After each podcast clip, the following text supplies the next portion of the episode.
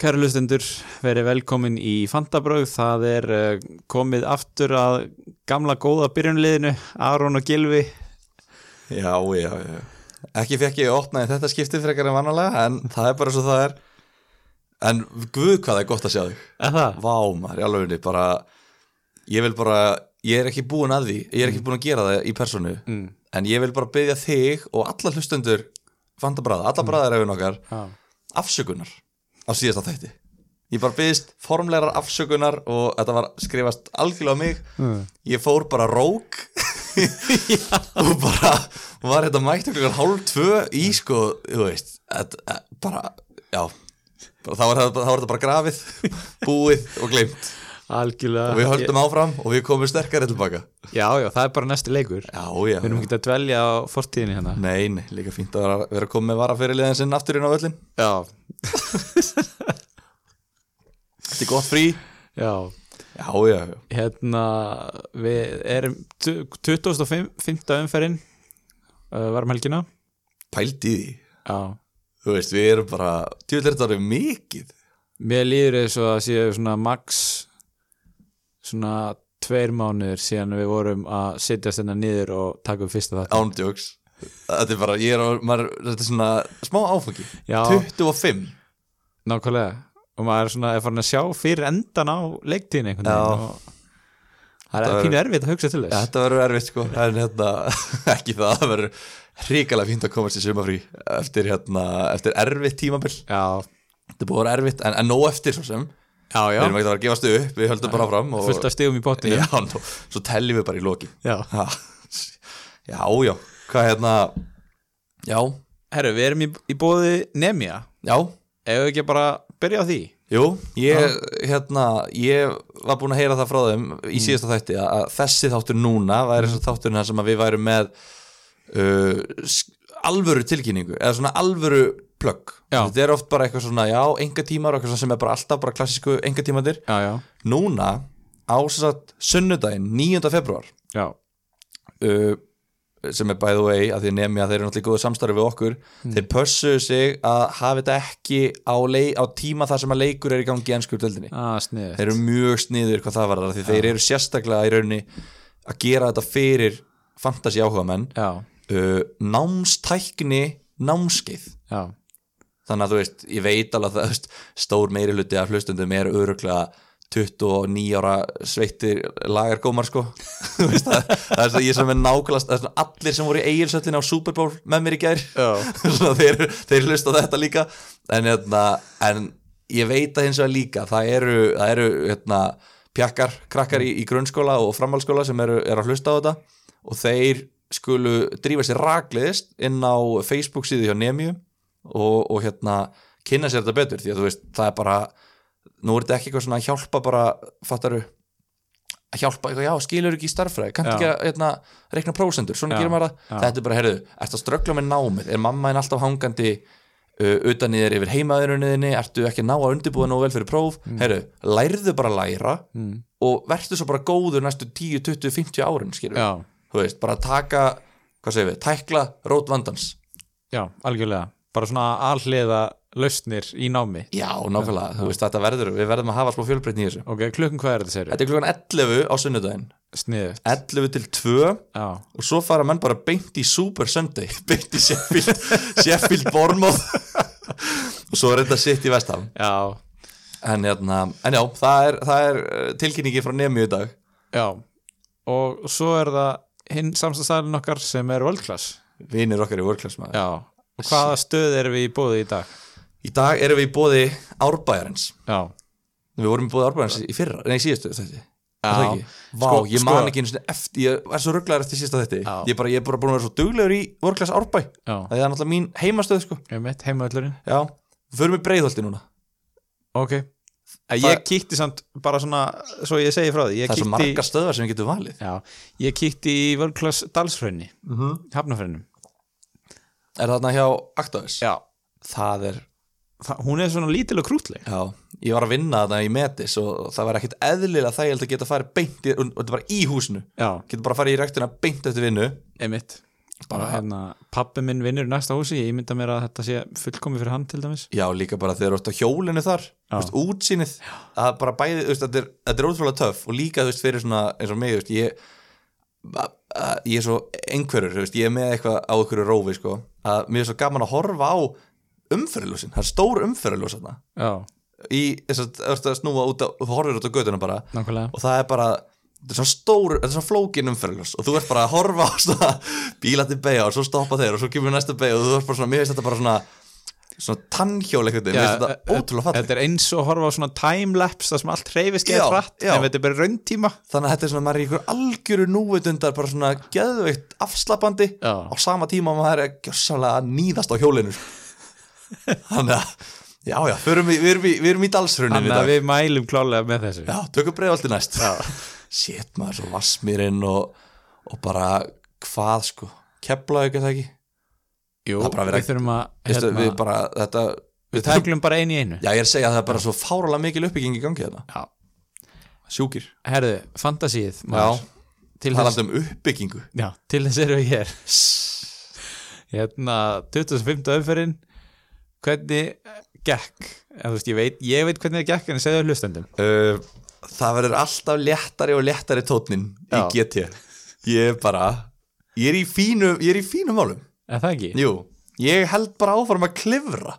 Og ég er komin upp í 830 832.000 sæti. Það er ekkert annað.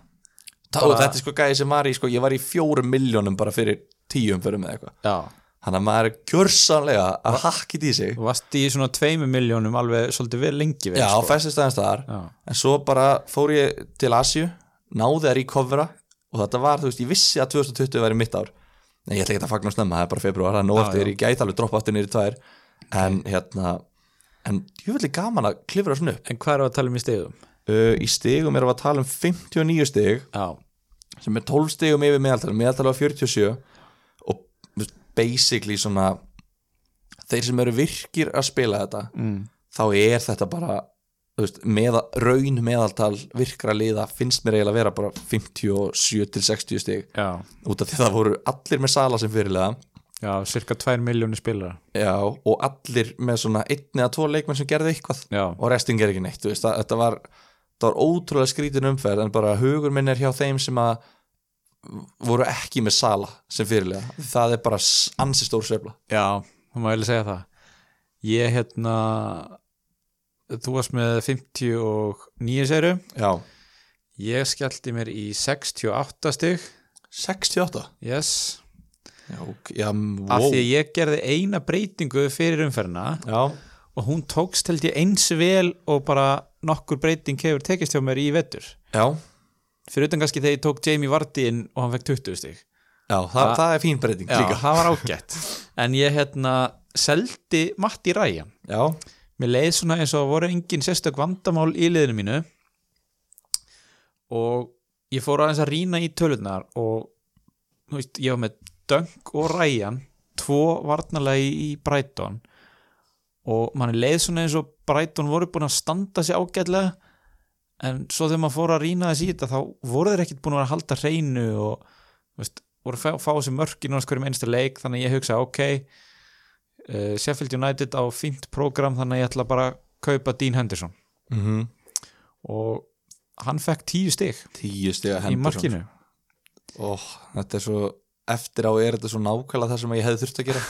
Því ég gerði ekkert transfer sko hann var alltaf nýbúin að verja víti þarna á móti City. Já, já, uh, og þessi markmenn einhvern veginn eru líka að sína bara finnst mér, Henderson og Pope þeir eru bara svona búin að sína núna síðustu vikur. Það er engin hindrun að vera hérna að spila móti góðuliði já, þú veist, ég náttúrulega töluðum með maður í síðasta þetta, ég og Tindur og ég, ég seldi Pope og hann fekk 24 stig eitthvað í þremur leikjum. Eða tveimur eða þreimur, já tveimur leikjum held ég eftir að ég seldi hann, þú veist, maður er að vera brjálaður sko, og Ryan er nokkar klá, klárum hann bara því við erum báðið með hann og ég nenni ekki að þurfa að tala um hann á eftir mm. hann er orðin, hann er orðin eitt af vandamálum við liðinu mínu, já, hann er með eitt reynd lag í 13 leikjum.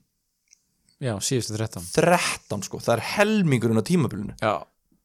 Þetta hann, nefnilega er ekki búin að vera neitt sérstakur sko. Bara hörmulegur en hjá mér var það sagt uh, fjóri leikmenn sem að fengu þá samtals 54 af 68 stíðunum mínum. Já, Sala sem fyrirliði uh, Trent og Gómez í vörninni og Henderson í markinu. Og restin var með tvist má Já. segja. Sama hér, Sala, Gómez og, og Trent. Það er bara, var bara Liverpool skilaði og restin gerði ekki neitt.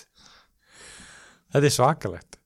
En Ég- samt einhvern veginn, þú veist, var þetta geggið umferð sem segir mér bara þú, það. Hvað fórst þú upp um mikið? Þú ert komin upp í hvert? ég er komin upp í sæti 700.000 uh, 30.000 732.000 100.000 slettum það er hérna, já já þú veist þetta er bara alltaf koma, ertu með eitthvað svona ertu að horfa á eitthvað svona markmið? Uh, þetta er kannski svona óþægilega hvað við segja? Ég er að setja markið kannski óþægilega lágt en svona topp 500.000 úr því sem komið er. Já já, Þú veist, það er alveg- einhvern veginn þú veist, þetta er svona ákveðin þrep þú veist, það er topp Já, 1000, topp 10.000, topp Já. 100.000 Já. og svo er bara topp 500.000 Já. það er einhvern veginn svo auðmingjalegt að vera eitthvað ég er að komast í topp 300.000 eða þú veist, það er það passar ekki alveg sko fyrir mig sem Já. er á, á rófinu sko. En hérna, já ég var að hugsa eitthvað nei, maður getur ekki hugsa sér upp 250, veist. Þú ætlar að För, bara hjóla í saman. Já, Þetta er bara svo, við erum bara tveir hérna með auka kíló en við þurfum að fara saman í, í verk-. Já, saman í ræktina skilur við, setja okkur sameiginlega markmið. Þeir eru um svona svipaðir. Algjörlega. Herru, ok. Veist, maður veit eiginlega ekki hvað maður á að, taka í þessari umferð. Það voru nýju lið sem skoruðu ekki mark. Það er svolítið mikið. Það er nefnilega svolítið mikið. Það voru þrjú þrír já, þrjú maður. Uh, ég horfði á tvö af þeim og ég fæ þá, þann tíma aldrei tilbaka. Hvað, já, Manni og Arsenal? Já það voru hróttalega lélega leikir og, sko, ég veit eiginlega ekki hvort var verri sko. þú veist Arsenal var náttúrulega töluvert skemmtilega leikur því börnlegi yfirspiluðu þá en við tölum, tökum ekki betur eftir en Manni og Wolves setnipartur á laugadegi Mm. nýbúin að sjá Leopold vinna 4-0 já, og taka svo bara góða lögn sem setni bara lögadags yfir man- eða, mér finnst, það, ge- ég vil bara fá 0-0 leiki 17.30 á lögadagum sko. mér finnst að þetta var bara þetta draumur fyrir mig þannig að ég gef þeir klónlega það, það fikk herri hérna, betri meðmæli frá mér. Ok. Ég var með Antoni Martial og var svona horfa upp á að hann myndi kannski laumin einu. Já, en hver allir stuðlun hafa verið á 0-0 mér finnst, Manni og Wolves búin að mæta svona 13 sinnum á tímabilinu og alltaf 0-0 já, er, þau eru ekki mikið fyrir að skora móti hvort öðru það voru tveir 0-0 leikir í byggarnum er ég að manni að réttu það? uh, Nei, kannski er það nei það fór fyrir leikunum fór 0-0 eða ekki? Jú, þess vegna var replay Já, og þá vann mannjú 1-0 Já það, það var eitt mark í þeim leik að þeir náðu einu, geðugt Svo svo ég heyrði líka hérna fun fact, mm. varstu kannski búin að hlusta það? Það voru tveir fantasy sóknamenn sem skoraði mark í umfyrinni já. Ég er búin að heyra þetta. Að gefa hlustendur svona 10 sekund, nei, hlustendur þeir megi bara pása og reyna að hugsa þetta. Já. tveir sóknamenn, fantasy sóknamenn sem skoraði mark í umfyrinni shit maður, já. Það var minn maður Glenn Murray í Brighton. Já, og svo mátt þú segja hinn, þú mátt bera fram hittnandi Samatta. Wasabi, Wasabi. Heitir hann ekki Va eitthvað? Wasabi Samatta er ekki? Umvana Samatta í fyrsta leiknum sínum. Já, Þannig að Aston Villa er komið með eh, 6 miljón króna sóknamann sem skoraði bara í fyrsta leik. Já, er þetta ekki samt svona, þú veist. Þetta var ekkit eitthvað sjúkt mark ég er ekkit eitthvað að fara að hoppa á þann vagn sko. En mér finnst bara Mér finnst svona bara, ef við tölum aðeins almennt um þetta Mér finnst Mm. bara almennt vera rosalega fáir vagnar til þess að hoppa á já, núna. Það voru svo margir, þú veist Það var Willems vagnin og það var Chris Wood vagnin Það var fullt af vögnum sem var hægt að fara á Lundstram vagnin og, og, og, svo, svo framvegis. Núna, það er veginn, þú veist, hvaða lið eru heit í deildinni? Það er Liverpool. Já, ó. Þú veist, City er það ekki nei, Leicester er það ekki Já. Chelsea er það ekki, Arsenal er það ekki Manju ekki, Wolves ekki, þú veist, maður getur talið upp öll liðin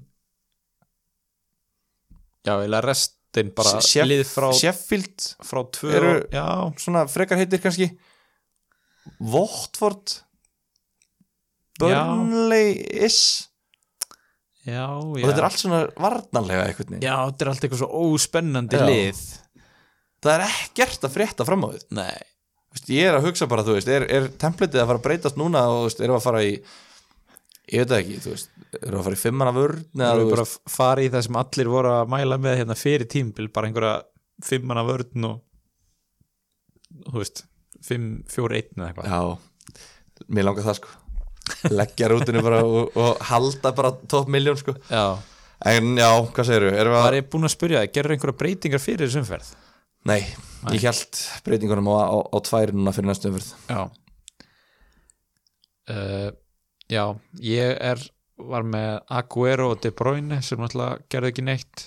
Já, taka þann leik, Já, aðeins. byrjum á því bara. Já, nenni þú að bara tala aðeins og reyna að róa mig niður sko áður en að, að sko, að síður bara, ég heyrði þið bara að segja Aguero Já. og það síður á mig sko, ég bara ég, þetta er svona, oh, ég brjálaður.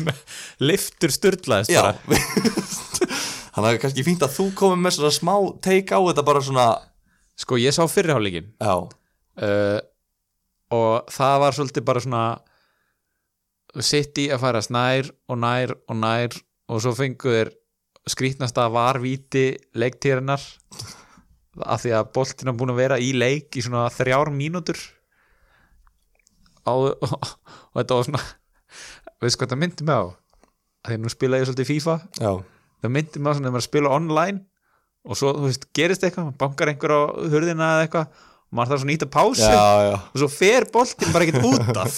Og maður er alltaf eitthvað að reyna bara aðeins að standa upp sko, setja lím síman í hlæðslu eða eitthvað. Það bara boltin fer ekki út af og maður er bara hvenar gerist þetta? Já, já, þannig að hérna, og að því boltin var bara í leik þetta í þrjár mínútur, fór ekkert út af að þá leið svo langt þannig til þau skoða það ég var. Já, já. Ég bjóst einhvern veginn við að þeir myndu bara sparka boltanum út af til þess að búa til meiri pressu á var dómararskýru Þú veist, þarna bolti verið leik og þú veist, og dómarar fjöst, hefur aldrei fengið svona langan tíma. Já, já, að þú veist, ég bjóst einhvern veginn við að þeir myndu bara sparka hann út af og svo bara myndi, hérna, ég veit þeir eru ekki í stúkunni að stúka myndi bara trilla skýri mm. og þá ertu að búa til svona allavega tíma pressu á dómaran þannig að aldrei verið þrjár mínútur að skoða þetta eitthvað en, en þá kannski hann ekki, ekki endaði að snúa ákvöruninni mm já ég, svo hérna sitt hvað ég að fegin maður. Ég var að segja við svona menni kringum mig fyrir helgi þá var ég bara eitthvað svona, já, þú veist ég er með bandi á sala en mér langar ókýrslega að setja á Aguero. Ég held þetta að verði eitthvað svona 5-1 leikur.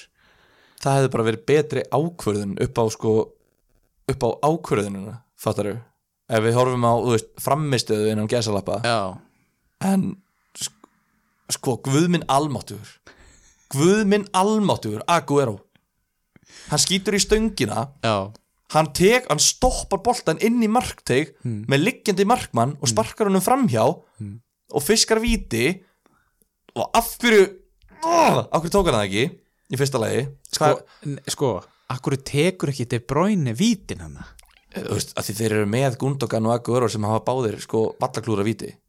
Ég heyrði það í lýsingunni, þetta var þetta bandarisk lýsing þannig að ég teka sem ég fyrirvara já, að Gundogan hefði aldrei klúðrað víti á ferlinu sínum já, sem er kannski svara spurningunum mín af hverju Aguero takk ekki vítin Mm. en ég er bara pyrrar að spurja þannig að hætti því sem er eitthvað segja þessi heimskur núna á bak við hérna útvarpið að sjálfsög klúðra hann ég vissi um leið og ég heyrði þessa staðrind. Þennan punkt. Já, hann hefur aldrei klúðrað víti á, ekki bara að setja á ferlinum já bara ekki á æfingu eða neitt. Jú, þú veist, ok, í, le í leikjum, skilju mér sé þannig, já, og, og bara þá bara, nei, nei, ok, þetta verður klúður. Herru, nei, nei, fyrir utan, sko lítum fram hjá því að ef að að þið unni leikin og haldir heinu já, þá hefði seðill unnist sem hefði skilað mér 180.000 krónum.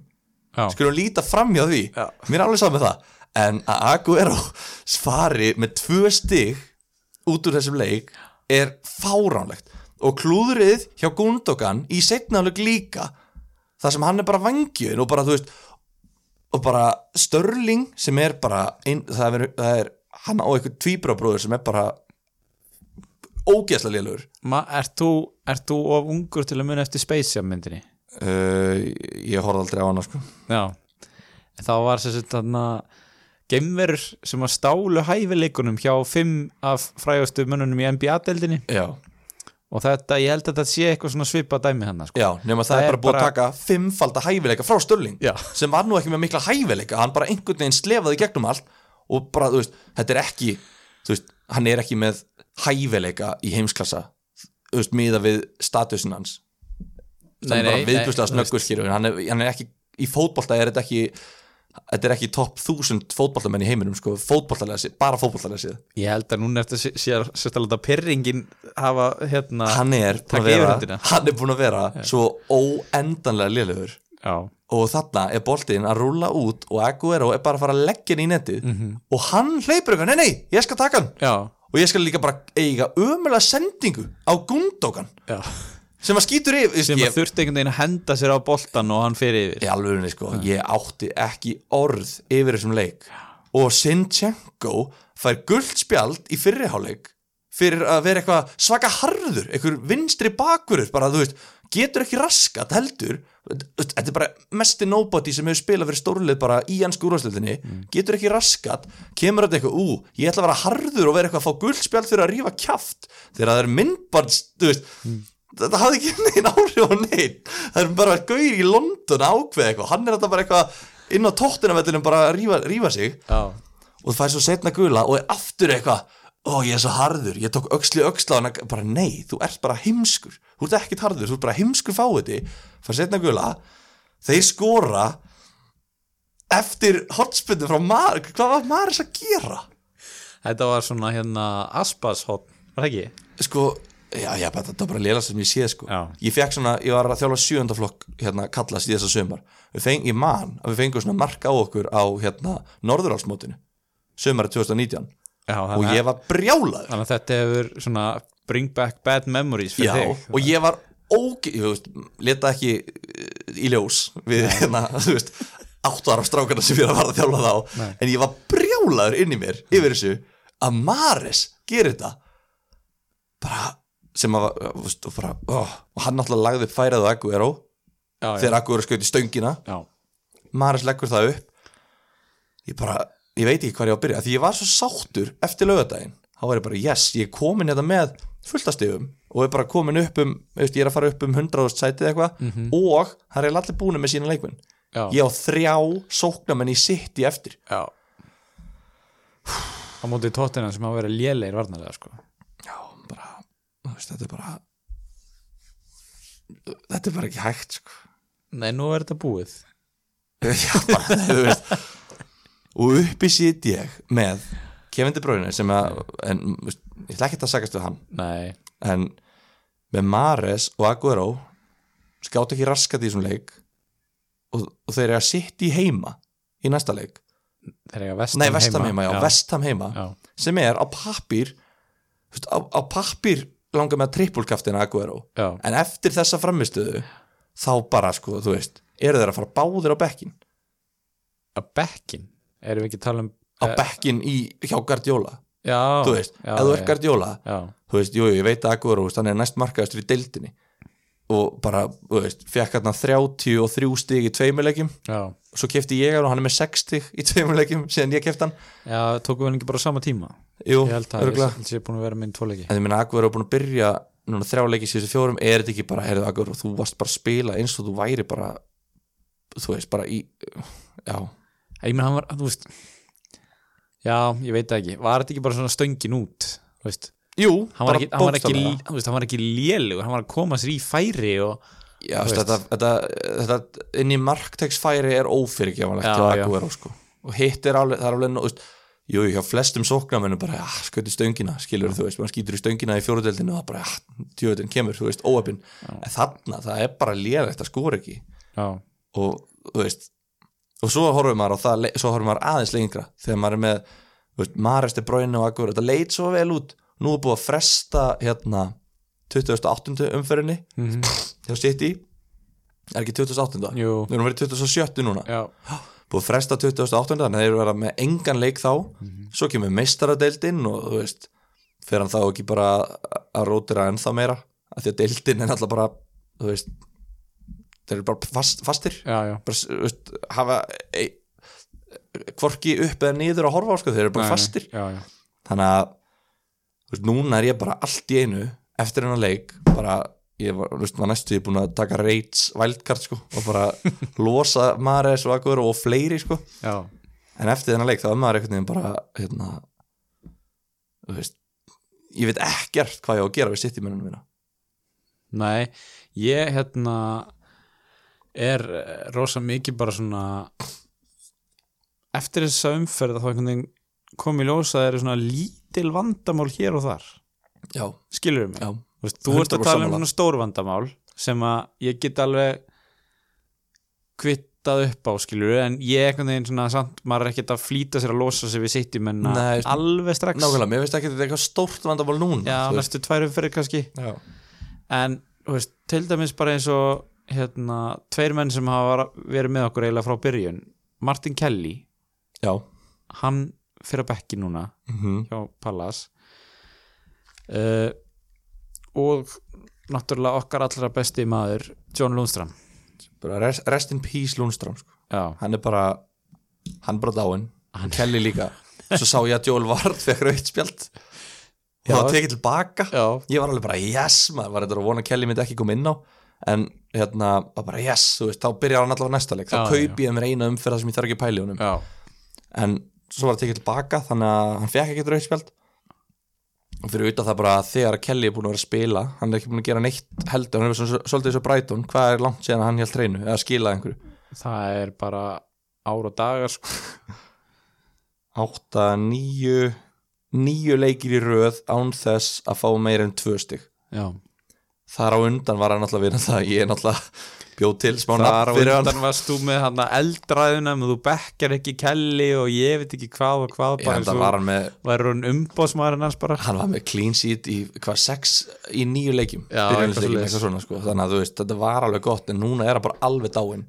Svo Jónku er dáinn, Lundström er dáinn þessi, þessi, þessi varda með 4-5 miljónir eru að hræra í þú veist eh, maður veit ekki hvað maður á að gera. Nei. En hérna talandi um eh, varnamenn og veit ekki hvað maður að gera. Newcastle og Norvits gerur 0-0 jættubli og ég er svolítið búin að vera að heyra eh, sko, hérna fær Fernandes þrjú bónustík mm varnamaður í Newcastle. Kostar 4,4 myndi þú náttúrulega, nú varst þú lestastjóri á Willems lestinni. Myndir þú takin einhverja varnamenn í Newcastle? Uh, ef að Já. skoða prógramið þeirra. Það er nefnilega ekki Heyrðu? Já, þeir eru bara flott prógram. Ég veit það það. er Arsenal lesta sem getur ekki skora mörg Já, Þannig það að- verður reyndar. Sko ég er að horfa á einmitt eftir Arsenal-leikin Ég sé Já. ekki alveg fyrir mér að Arsenal sé að fara að spila tvo leiki Þú veist, að móti Burnley og Newcastle að þess að skora. Með Obama hann komin aftur tilbaka, þú veist, þeir hljóta að Já. skora allavega. Ég vona það. Já, en prógrami eftir það þetta eru bara sjö frábæra leikir. Já, Krista Pallas, Burnley, Southampton, Sheffield Aston Villa, Bournemouth og Vestham bara uh, allt þægileg, þægileg leikir. Og það eru hérna hvað eru fjórir heimaleikir í sex leikjum hjá Newcastle. Já. En ég, myndi segja, valjúið í Newcastle myndi ég segja að væri Lascelles sem Já. að kosta 4,2 og er hérna, er ekki fyrirliðið Lisses uh, hann var það allavega fyrra. tímbili Hann er fyrra og held ég. Og er, þú veist, getur alveg verið hættulegur í tegi anstæðingana Já, hann skoraði þrjú mörk hérna 2017-18 já, og uh, reynda bara að koma eitt mark núna en búin að spila lítið. En alveg rétt, hann getur verið hættulegur í tega anstæðingina hann er búin að vera meittur bara meira og minna allt tímanbölið komin aftur í byrjanliði núna, komið þrjár 90 mínútur í röð, þar af tvö hreinlög, tveir heimaleiki hreinlög þeir geta alveg verið helviti þéttir Já. eins og þeir eru viðbjóðslega leiðilegt lið, eða þú veist, þetta er, þetta er ógeðslega leiðilegt að horfa á það. Já, þetta er svona eins og þetta er svona poor man's Burnley finnst mér. Já og þú veist hversu fátakur sérst að vera til að vera sko börnlegi Já, fátakamann þetta er svona, Burnley spila allavega direkt bolta á skemmtilegan hátt. Newcastle, þú veist, þeir kom ekki einu svona boltanum yfir miðju til að geta gefið hann fyrir, þú veist, þeir bara þeir bara eru með tíu mennin í teig og svo flengjar hann bara út, reynsa bara. Já. og vona að þarna Saint Maximín ná að gera eitthvað, eitthvað töfra, það, er þetta minn maður. En hörmulegur fantasi leikmaður alveg svo, þú veist, Almirón og allir þessi gæjar. Joe. Linton er náttúrulega bara lélegasti lélegasti fantasy leikmaður í sögunni. Og ef við tökum þetta þarna, við erum ennþá, við erum ennþá ekki konum með refsingu fyrir head to head til sko, við þurfum að drífa okkur árinni stinguð af. En Já, ef að við, við tökum þetta því mér er svo geðveikt að sá sem að tapar mm. svo sigur við erum fara að velja einn í hitliði sem að þarf bara að sem- starta bara alltaf sem þarf að byrja alla leikina. Já, út tímabilið. Shit hvað það það, það Það þarf samt að vera einhver svona sem spilar Já, Joe Linton. Já, fullkomin af því ef ég vel bara eitthvað, þú veist ef ég vel Adrian. Þá ertu bara með geggjaðan varamarkmann, þú veist, þá ertu bara með. Ederson í, á varamarkmann en Joe Linton er svo fullkomin refsing af því að þú var aldrei meira en tvö stík frá honum. Þú getur bara fullvisa því um það þú var aldrei meira. Þannig að það er alveg sko hann, samt byrja hann alltaf, alltaf 90 Já. mínútur. Komið tvö á tíumbilinu, 25 leikjum 90 mínútur í öllum held ég. Ég vona bara að ég vinni þig í sér deild og geti tróðið þessu í liðið Já, nei, en, veist, en þetta er kannski sem við varum að tala um í byrjun þáttar að, að það er einhvern veginn öll þessi lið sem eru svona semi-heit ég veit ekki, njúkastal er ekkert eitthvað kaldir þeir eru bara svona volgir finnst mér. Já, þau, öll þessi lið eru varnarlega með kannski valjúið og þú veist, ég er að hugsa um Lascelles. Mm Mhm. það er bara straight skipti fyrir mig með Kelly af því ég get selt Kelly á 4,2 já, að hérna Kelly í Lascelles í næstu umferð eða þessari, málu verið þessari. Mm. Kelly er að fara að lækka og hérna þannig að ég, ég held að það sé bara sniðut sko. Þú veist að Kelly er búin að lækka hann nýri í 4,3 4,3 ár já, ok, ok, ég kefti hann að 4,1 Já. þannig að, Ok. þú ert ennþá góður. Ok, herru, eða ekki bara stikl, stikla þess á stóru hérna jú, í þessari umferð. Uh, Vestham gerir 3-3 játtöfliði Brighton. Já. Missa niður tvisvar tveggjamarka fórustu mætti halda að vera Arsenal þeir, þeir þetta skoruðu já, já. fótboltamark, fattar ég því að það getur ekki Já, já, já, og hérna maður leiksis var Robert Snodgrass með tvö mörg og einu stóðsendingu hvað er átjón steg er ekki? Já, að pæla í honum með það? sko, ég hérna skulur sku, þetta ekki þurfum ekki að ræða eitthvað mikið hérna eh, leik ellið á augnabliks síðasta föstudagskvöld Nei, sem fór, fór ítla fyrir mínum mönnum. Enda, enda var ég ekki leikfær vegna meðslana gegn Árborg þar á undan. þá segir sér nú sjálft að leikinni fara ítla já, þú veist, það er allavega svona, já. En hérna eftir leik þá kemur fyrirlið fyrirlið liðsins og segir, Kilja, hvað það er þetta? Þú er sérfræðingurinn. Ég er að pæli takk inn snottgras, hvað finnst þér það? og ég bara, nei, nei, nei, nei nei, nei, nei, þú getur gert margt betra við peningin en að taka inn snottgras er þetta alveg viss, ég er mjög heitið fyrir snottgras sko. ég er virkilega pælið að taka hann inn, ég held að hann geti gert eitthvað nöðsla, ah. nei, nei, nei, nei, nei, nei, þú ert að miskil, þú ert að villikötum vinnum þú varst að tapa þetta fimm eitt fyrir augnablík þú veist ekki, ég leiði við að tjá mig þetta það var náttjón stig, sko ég bara, ég veist um að ég sé velkomin á æfingu eftir meðsli, sko ég held að, þetta var ég bara fekk massið samverðskupið átjón stig, en þeir eiga reyndar sko, vestam á, eiga þeir ekki erfitt prógram, Já, þeir eru eins vond að leikja hægt er sko. þeir að Liverpool City úti á næstu tveim. Sko hvort prógramið er erfiðara?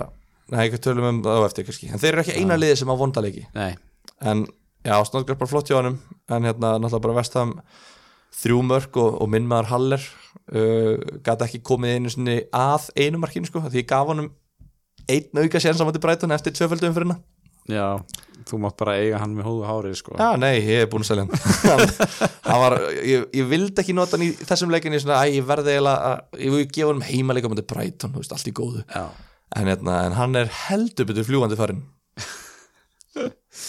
herru uh, Everton vinnur endur komið sigur á Watford 3-2 já, sko Watford komst í 2-0 á 40 og svo annari já.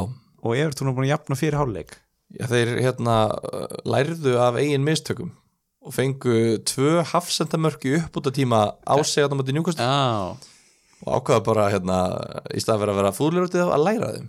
Já, þeir eru búin að kynna sér uppskriftina Já, og svo bara nota rétt aðferð. Já, það er bara hægri fóturinn á gilva og hausin á ég er í mína og það þarf ekki mikið meira. Nei, nei, það er bara, bara flott sko. Voru, Það voru fleiri hafsendar sem skoraði tvö mörg Rúdikir Já, skoraði líka tvö mörg frábært segvi yfir í næsta leik Leicester Chelsea 2-2 Já, ég, ég, ég mátt býða kannski aðeins með þetta. Við tók, tölum við ekkert um Votvort Everton en það er ekkert að er tala um eitthvað meira ræða? Veist, er einhver í, í þessum liðum sem þú ert eitthvað Alls ekki neitt, sko. það alls ekki neitt. Og prógrami á Everton líka umömlegt Já. sko eftir að Vott fór, að standa sér svona vel þá hef ég verið eitthvað svona allir maður getið keift Dale og Feio mm -hmm. en svo gera hann aldrei neitt. Nei, eina stóðsynning í þessum leik. Ég myndi frekar taka Dini. Já, en uh, ég myndi þetta ekki taka hann. Ég myndi nei, frekar taka hann en ég myndi ekki taka hann. Hérna Dokore, var hann ekkert að Nei, hann gera er, neitt í þessum leik? hann er eitthvað búin að kólna. Hann er einhverju vesinni. Já. En það er svo sem ekkert, ekkert við að- um þessi lið að segja eins og er sko. Nei, ekki þannig. En King Rudiger, og veist þú, nú ætla ég að koma með spurningu til þín. Já. og hlustenda líka. Já. Vitið þið hver lagði upp bæði mörkin á Rudiger? Hlustaður á síðasta það já, sjálfsögðu. Var það eftir þáttir sem að þú þú sendir á mig? Að ég var alveg bara shit maður þessi þáttur var eitthvað rugl sko, þetta var eitthvað fáraleg þáttur. Og svo bara fór ég að sofa. Já, vaknaði þetta einasti bara áttir bara með mjög einföld skilabú frá þér. Bara ekki, ekki hæ eða neitt þetta var bara mest aggressu sem ég fengið á ævinu frá þér. Bara, ertu í geðrófi og, og ekkert meira. Ég var bara fokka hann hefur verið að reka mig. Hann er búin að ráða eitthvað annan. Það er búið að skipta um fyrirlega bara á fættinum já, já, já. Nei, nei. Mason Mount, Mason Mount kallinn. Djúvull maður ándjóks, hérna, ég fekk alveg fantasy fræðing hérna, gestur síðasta þáttar Tindur. King Tindur. Og við fengum bara að ringdi inn spurningunum eftir þennan leik um hvort hann hafi gefið hann tröstu áfram. Já, væntalega gáðan um tröstið já. með stóra yfirlýsingar hérna Já, já, við erum í hérna fjóramanna, fjóraliða hett og hett deild. Já. Ég var sem betur fyrir ekki að mæta honum. En hann var hérna, hann mætti, mætti félag okkar, Aroni Breka sem var hérna, er svo sem ekki mikil fyrirstaða í, í, í fantasy en hann, fó- hann fór létt með hann. Sérstaklega eftir, eftir Já. tennuna og fyrir Lester skoru Chilwell og Barnes Tílemanns með báðar stóðsetningarnar Já, hann, uh, ég veit ekki, minn ási eða eitthvað, hann er alltaf bara búin að dáin í 10-15 leiki eða eitthvað. Tílemanns? Já, ég var með hann í draftinu já, og skila á honum. En sko mál málana mm. Vardí partíið. Það er ekki mikið að gera þar. Veist, er það búið, var það búið í síðustu viku, er það á hann líflínu e- eftir að hafa verið svona geggjaður. Þú veist, fær hann það meiri séns skilur já, sko, á ég að segja mína pælingu með þetta? Já, til þess Já.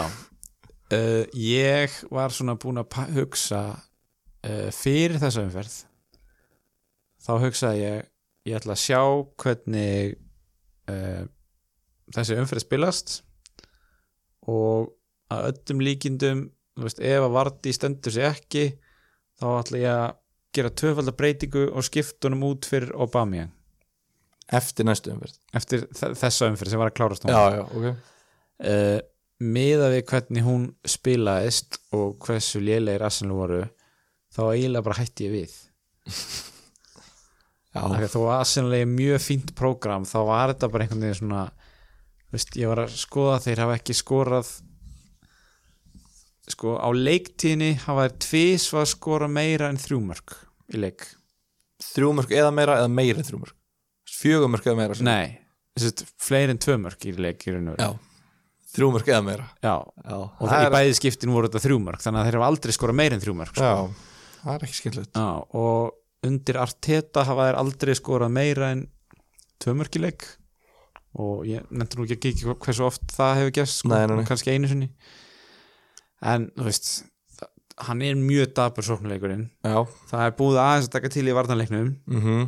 En það virðist við að vera að kostna sóknuleiksins bara eins, eins og gerist svo sem. Já, já. En sko möguleikarnir ok, hvort ok, Obama er kannski ekki on sem hérna replacement fyrir Vardí mm. en ef við tökum bara Vardí bara Vardí, já eða nei? Því ég veit að þú ert með tölvöld meira valjú byggt upp í honum heldur en flestir því þú tókst hann inn svo snemma. Já, þú veist, ertu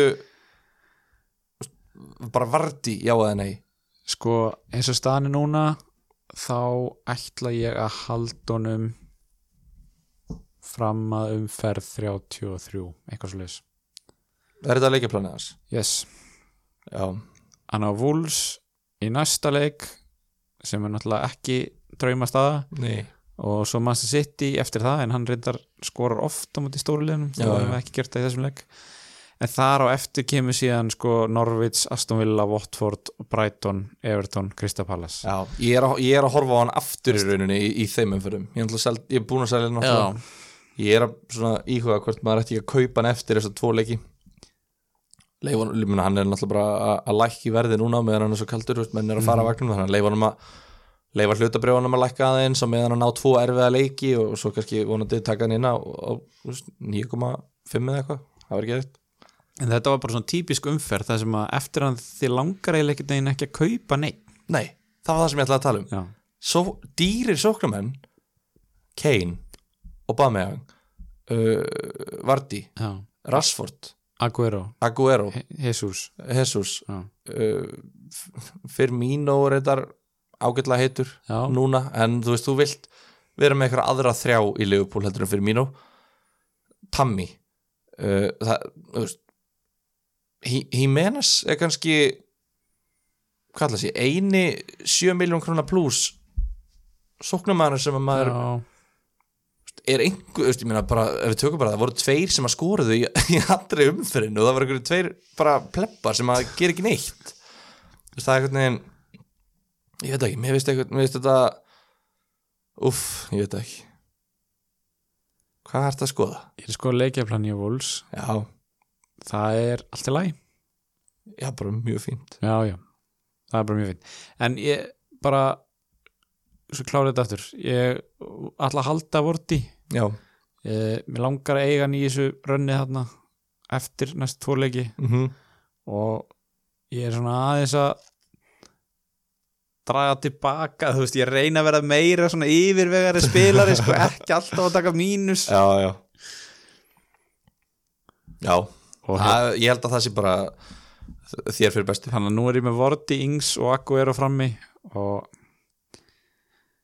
það er náttúrulega ekki bara solid eh, ég, mér finnst það bara mjög solid sko, en náttúrulega eins og gerist ofta um leið að maður kaupir einhver þá hætta þær að skora sko. Ég er þess að það sé þannig með Ings og Ag- Aguero. Aguero er framtíða vandamál, hann verður orðinn vandamál eftir, eftir svona tvær þrárum fyrir já, Vardí er nútíma vandamál en þú ert svolítið fastur kannski með Vardí já, Ings er ennþá bara, ég meina, þú veist það er ótrúlegt ef við förum kannski í Leopold hérna Sáþantón núna. Hm, ótrúlegt að Ings hafa ekki skorað þessum leik. Já. Og bara Sáþantón, mér finnst þetta að vera enn eitt leikurinn sem Leopold heldur hreinu. Mér finnst Leopold hafa átt skilið að halda hreinu í svona þrejum til fjórum leikjum á já, þú veist, þeir eiga ekki, veist, mótið tóttinam ótrúlegt þegar við haldir hreinu. Uh, hvernig var þetta mótið vest, ég manna ekki. Það var einhver leikur núna undanfarið það sem að sem ég sá ekki, sem að Trent skaut boltanum í stöngina já, eða já, ég man ekki hvort það var vestam meðan núna mótið Sáþantón, ég held að það var vestam ég held það. Núna Sáþantón, þú veist, Ings komin í dauðafæri skýtur í sen long já. og bara eitthvað svona, þú veist það, það, það, þeir eru bara komnir í eitthvað svona god mode þar sem bara allt dettur með þeim bara skiptir ekki máli hvað gerist. Ándjóks ég meina, var ekki hérna, Robertson sem pikk bara gaf bara tilbaka Já. Allison sem bara tók hann upp með höndum nánast á marklínni og dómarinn bara, já, bara áfram. Já, þetta, líka, það er oft talað um, sko, dómar að tala oft um að, þú veist, þú getur þú horfir oft á viðbröðu leikmanna. Já. það er oft besta, þú veist, reynslu mestu dómararnir geta séð bara á því þú, þú þarft ekki að sjá hvað gerðist þú þarft bara að sjá hvernig leikmaðurinn bregst þig, ósjálfráði viðbröðunas og þú sérð bara Alisson grípur hann og hann hugsar ah, nei, djöfullin, þetta má ekki. Og hann er svona fó- svo næra hann að hann er, hann er svona fljótur að skipta aftur í hún nei, það er bara ekkert að þér. Og hann heldur áfram en veist, þetta var ótrúlega skrítin ákvörun talandi um viðbröð, ertu búin að sjá myndbandi af Mourinho? Já, vá, hvað fyndið. Shit. þetta er bara eitthvað besta mím efni sem að ég hef bara séð. Ó, þetta er bara shit, hvað þetta var fyndið maður. Þegar að hvað, Og fyrir- aðstofþjálfarinn já, þegar Já, fyrir- að Störling dýði sér. Já, fyrir þau ykkar sem hafa ekki séð þetta þá hérna, endilega flettið þessu upp. En þess að þeir eru hann, hann og aðstofþjálfarinn að fagna því að Loris hafa varið vítið og svo náttúrulega fer Störling niður og aðstofþjálfarinn greiðlega kvíslar aðunum að Störling sé nú þegar á gulu spjaldi. Og þá svolítið ríkur hann upp úr stólnum og hleypur beinta fjóradómaranum og lesur hann pistilin Af því hann, hann er ekki nálægt í að vera pyrraður hann er hann er bara yes, verðum viti og já, já, heyrðu, þetta var bara flott. Sluppi matna. Hva, hvað segirðu? Ha, ha, er hann á hei, svo bara ríkur, þetta er sko. Shit, hvað þetta er gott maður. Þetta er bara eins og þú með akku er á hérna náðan það er bara svona Já. leiftur reittist bara, bara, að vera á bara það er bara brjála 0 í 100 og já, 10 sekundur sko. nei, nei, þetta, já, þetta var mjög gott sko. En herru, Liverpool, já, svo klárum það bara. Já, Veist, við erum báður með við erum konum með of lík lið. Já, kannski. En sko, við erum með Trent Gómez og Sala já, og, og, og vorum báður með Salik kæfti núna. Trent er læstur já, Sala er búin að, heldur betur búin að læsa sig núna orðin stigast í leikmæri í fantasy. Bara með einhverju mestu króka leiðum með einhverju bakdýra leið sem að ég hef vitað um já, sko. já, það er bara, þú mátt fara hvaða leið upp á toppin sem þú vilt fyrir mér, sko, Já, ef þú já. ert á toppin þá verður virðingu frá mér, ég ber virðingu fyrir hérna, sigurvegurum já, já. og Sala, sko, þetta er svo fullkomin fantasy að, að, með ákveðna eiginleika já. hann er eins og Störling, hann er ekki í topp 1000 hæfileikar ríkustu fótballtamenn í heiminum. Sko, akkur eftir að segja þetta? Þú veist, þú lætur okkur bara hljóma eins og einhverju vittlýsinga hérna. Okkur, já, af því að ég segja Störling og Mohamed Salah séu ekki í topp 1000 hæfileikar ríkustu fótballamenn það vita allir hvað ég er að tala um þegar ég segi fótballamenn, sko. Ég, ég veit ekki. Ha? það hljómar þú sért bara stimpla á þessum einhverja ruslahauga sko. Nei, þeir eru bara viðbjörslega snöggir og direkt og bara, þú veist, góði leik, geggjaðir, þú veist en ekki góðir fótboltamenn? Nei, þú veist hvað er að tala um, skil, bara svona tæknilega og bara, þú veist, hausinn, þú veist, hvað þarf Sala mörg færi til að skora? já, en það er ekki mörg. Þarf hann ekki mörg? Mohamed Sala? yfirleitt ekki. Býtu, halló. Hvað klúður hann mörgum færum í þessum leik? Ég, bara, ég man það ekki, sko. Ég er bara ekki, ég er ekki með tölu yfir hvað hann klúður að mörgum döðafærum á tímabili, skilur það er bara, þú veist, þú, þú, þú, þú ert með hann sem fyrirlega, því að nú er búin að vera fyrirlega hjá mér bara síðan ég tók hann inni eiginlega. Þetta er bara svo mikið tilfinningar rússibanni að horfa á þetta að því að hann bara fær gefins færi og tekur þau ekki. Svo erfiðu færin, þú veist, þá næra hann einhvern veginn að pótunum inn og hann er svo viðbjóðslega eigingjarn, mm hann er orðin svo eigingjarn, hann var ekki svona fannst mér fyrst. Hann var ekki svona fyrsta tímabili með Liverpool. Nei, ég er að hugsa hvort þetta sé út af því að hann, hann hefur aldrei verið að skora svona brjálaðslega mikið. Já, svo hann- tekur hann fyrsta tímabilið á, veist, getum kallað one season wonder. Getum það því hann Já, skoraði 30 okkar mörg þá. Já, og gaf einhverju tólstöðsendingar eða Já, eitthvað. og svo tímabilið eftir það þá skoraði hann 20 mörg eða 22 mörg sem er strax 33% hérna, lækkun, þú veist þannig að one season wonder er ekkert fjari lægi þannig séð. En það er alveg rétt sér, hann ofpeppaðist við að vinna hann gullskóin hann að fyrst. Já, og núna er hann farin að hugsa um mörg og hann er svo viðbjóslega eigingjarn og ákvarðanirna sem hann tekur og það bara, þú veist, ég bara reikna ekki með öðru en að allir púlara landsi sem hlusta á þetta séu 100% sammála að hversu oft er best að leggja hann til hliðar og hann skýtur eða reynir að sóla, gera Já. eitthvað flóknara og svo þegar hann er búin að gera það kannski fimm sinnum í leik, um, munum þegar að Mane fór út af brjálaður út í hann, statjum Mane sem er bara eitthvað mest chill, nice. það ljúmenni bara sem til er. bara, veist, alltaf slagur sko, alltaf nettur sko, og hann var bara brjálæður, skilur bara þetta var svo ógeðslega pyrrandi og svo gera hann þetta kannski fimm sinni með leik þar sem hann tekur ranga ákvörðun og þá er allir, veist, svo fattar hann já, heyri, það er allir fúlur út í mig, ég vil ekki að þessu fúlur út í mig.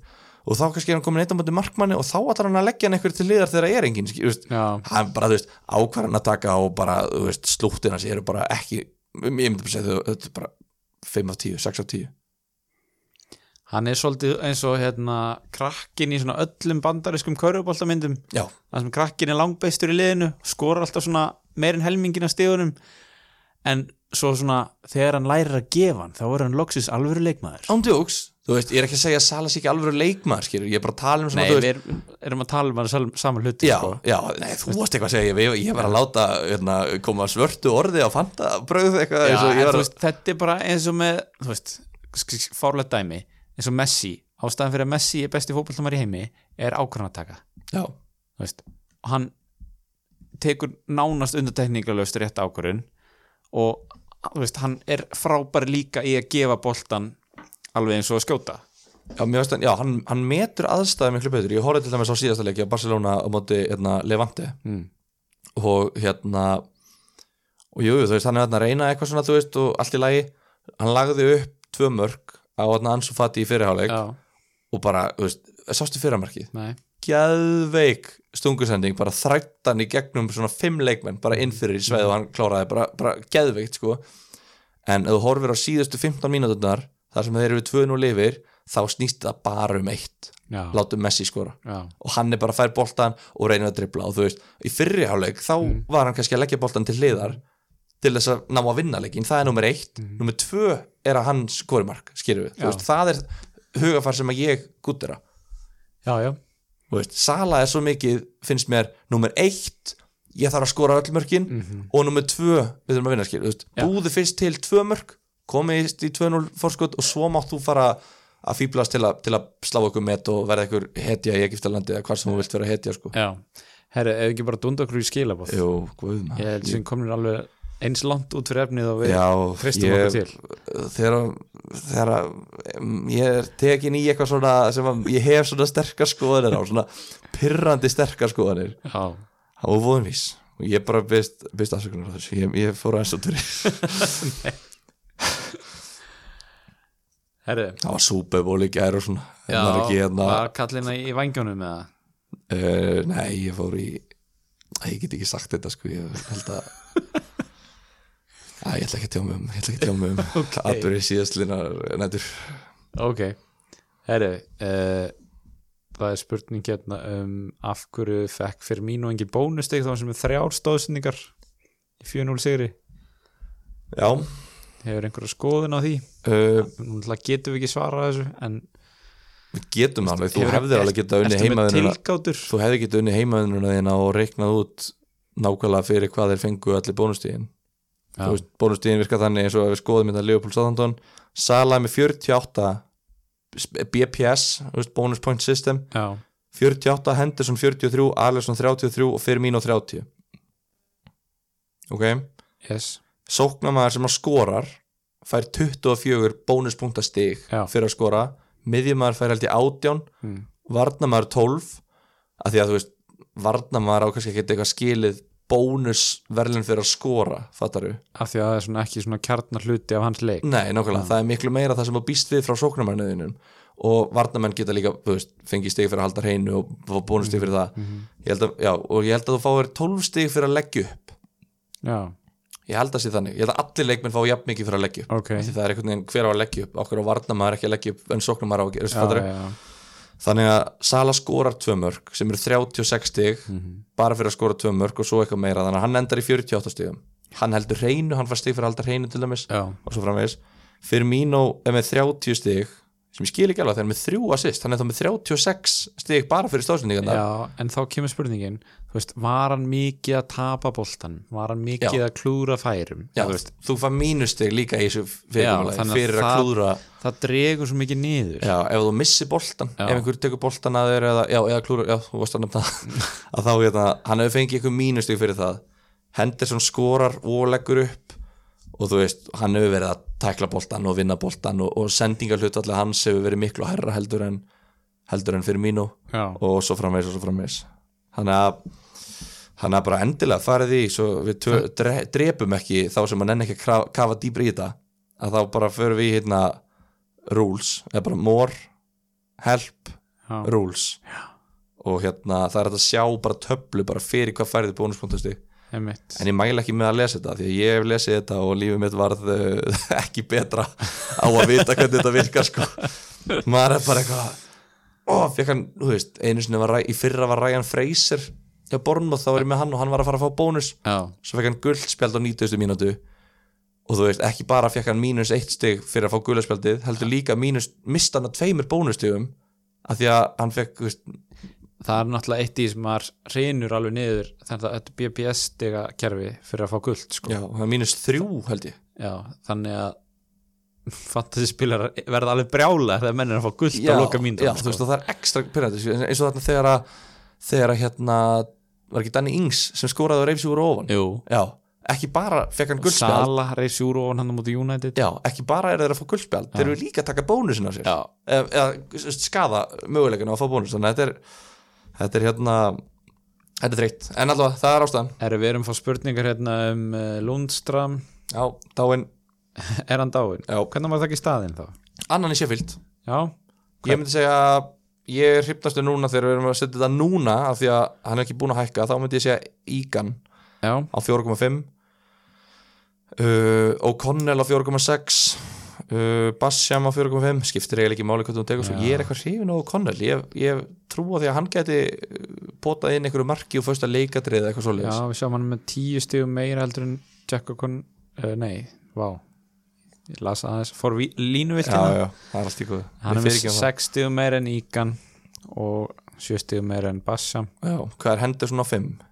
Henderson er á fimm eins og er en, er hann ekki að fara að hækka? Jú, og sko málið er, Sheffield á þetta er fínt umræfna því að þetta er, þetta er rosalega mikilvægt þetta, á hann að fara að hækka 5 meina Mhm. örgli í nótt, þannig að það er einn eða eitthvað sem að nær þess, þess vegna, það er ekstra mikilvægt að hlusta á fantabröð strax um leiðu að koma út. Og þess að vegna droppum við líka þáttur um leið og við tökum það upp já, bara um leið, þú veist, við gætum alveg beðið núna og sett þetta frekar einhverja nýju í fyrramálið. Það væri örgulega fleiri sem örgulega betur upp á hlustanir eða eitthvað skýrðu en við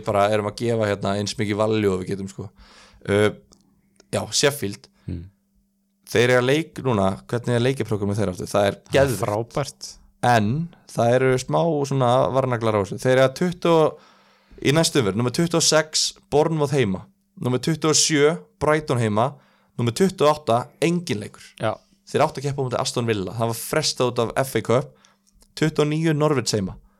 Og svo Newcastle útvöldu sem er líka gott sko. þannig að þeir eiga runni þrjá heimalíki röð en það er umferð 28 sem er blank. Já, ok, þannig ég er að hugsa af hverju ætti maður að kaupa Henderson í markið núna? Af hverju ætti maður að kaupa hann núna? já. haldunum klálega Mm. þegar hann er að fara að blanka eftir í umferð 28 Eftir tvo leiki. Og má ekki spila í umferð 31 Já, þannig að þá ertu með tvo leiki á næstu sex sem að þú veist að hann fær núlstig fyrir. Þannig að ef þú ætlar að vera ef þú ætlar að taka inn Henderson þá þarfst eiginlega að vera með varamarkmann veist, ég er með Ryan og Button ég get ekki tekið Henderson inn fyrir, Button, eh, fyrir Ryan finnst mér. Það mér finnst bara ekki í lægi að vera með tíu leikmenn vitandi það tvisvar, fattar já. Hvernig er með hérna Dubravka til dæmis? Eiga þeir, eiga Newcastle einhverja pásu þannig Nei. Nei, þeir spila alla leiki. Þeir eiga sko börnleg heima í blankinu hjá Sheffield Já, og Sheffield og Aston Villa heima í hérna útileikinum á móti Newcastle og. United. Það er Þannig kannski bara betri kostur. Ég er að hugsa, þetta rotatast svo vel. Já, af hverju ekki að vera með uh, varnamenn í Sheffield og varnamenn í Newcastle? Og annar þeirra er á bekknum og hinn er að byrja inn á mm Mhm. þannig að þe þetta í næstu 6-7 leikjum þá rótiðast þeir þessi lið rosalega vel saman. Mhm. þannig að ég er að hugsa selja Lundstram og Kelly og taka inn annan, bara Ígan og Lascelles já. Lístu vel á það. Ég er allavega með, já, ég er með Ryan, mér langar ógislega mikið Henderson en ég veit, ég finnst ég ekki geta kift hann á 5, akkur núna. En kannski, ég er, ég er ekki viss um það sko.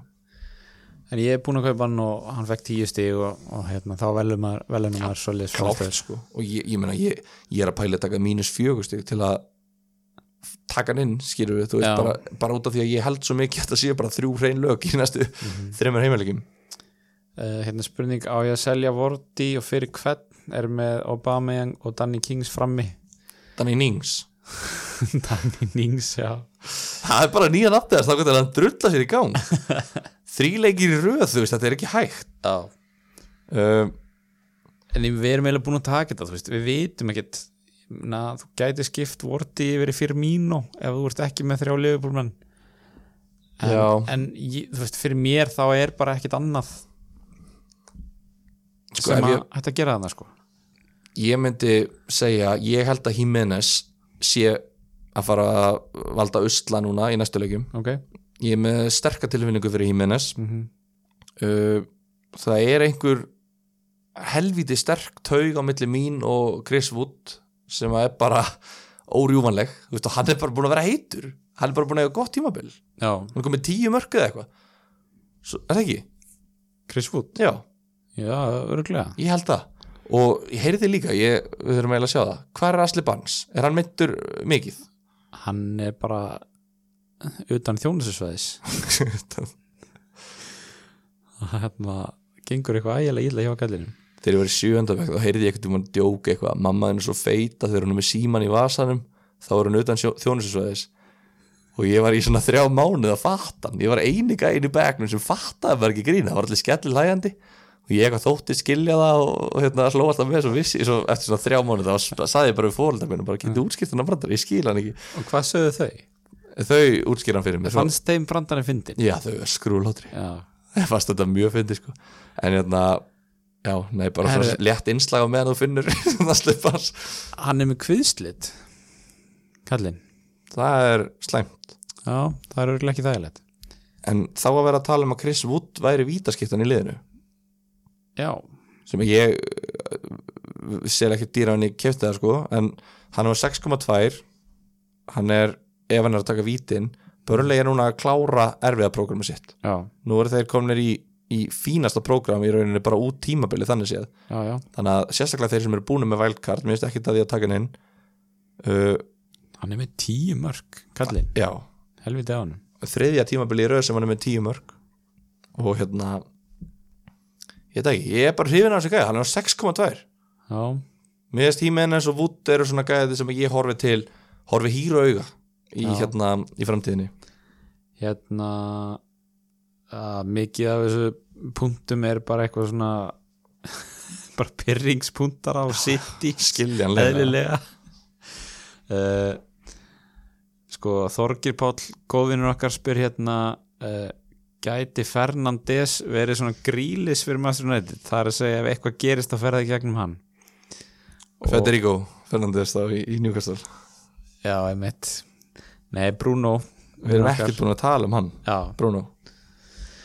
Uh, og hann spyr líka er Maguire komið með valjú þar sem það er núna komið gæi til að taka hot, alveg hotspinnur já, tökum við bara þess að setni spurningu fyrst og ég ætla bara að segja nei já, nei, nei. Bara sammála. Já, bara ég veit ekki ekkur Maguire ætti að fara að vera eitthvað eitthvað að fara að horfa til hans núna. Sko ég, ég elska samt að menn síðu að hugsa þennan leik þú veist, djúft, skilur, þú Já. veist, þetta er ekki Fantasy 103 já, Þú veist, hérna erum við komin í, þú veist, different. Já, að hérna, að ég er, ég er hrifin af þessu en ég held ekki sko. Nei en hvernig líst þér á Bruno Fernandes bara sem fantasy leikmann? Sem fantasy leikmann, já, umurlega í alvöru? Sem fantasy leikmann, já. já, mér fannst hann bara mér fannst hann flottur í leiknum og ég Já. bara, wow, þú veist, bara loksins loksins einhver miðjumæður sem að getur tekið á móti bolta og losa sig við bolta. Bara, vá hvað er gaman að sjá þetta. Já, og skotið á marki líka. Já, hvað, ég sá eitt skot og það var langt framhjá, ömulegt skot. Ég, trú, just, ég er, var hann ekki markaðastur í Portugal? Ég held það. Eða Já. skilur, þú veist, getur vel verið en þú sérð bara hvernig hvernig hérna mannjú ákvaða að nota hann. Var á miðinni og svo bara í háluleik þá bara heyrðu, við þurfum að fá spili meira gegnum Fernandes, já, droppum hann um dýbra setjum hann ennþá dýbra á miðjuna til þess að hann geti verið meira í boltanum.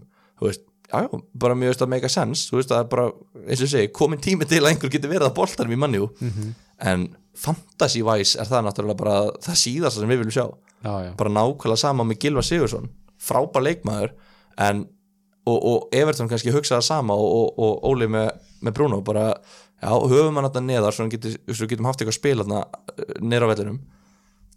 En þetta er bara já, maður vill ekki sjá þetta sem, sem fantasystjóri já.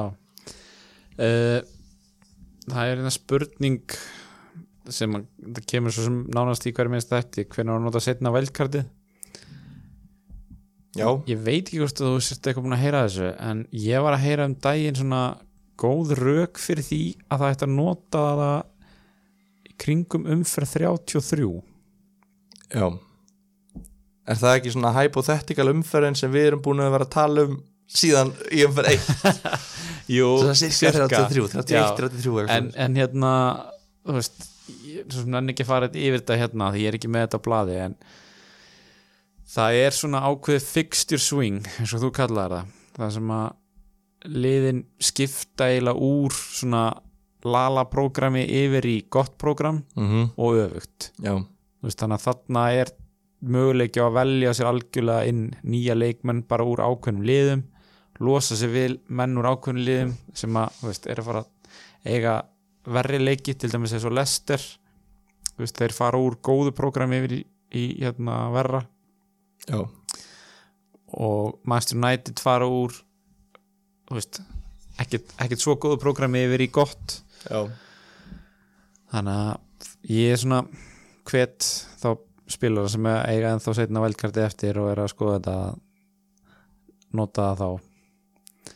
Eh, ef við farið í breytingar?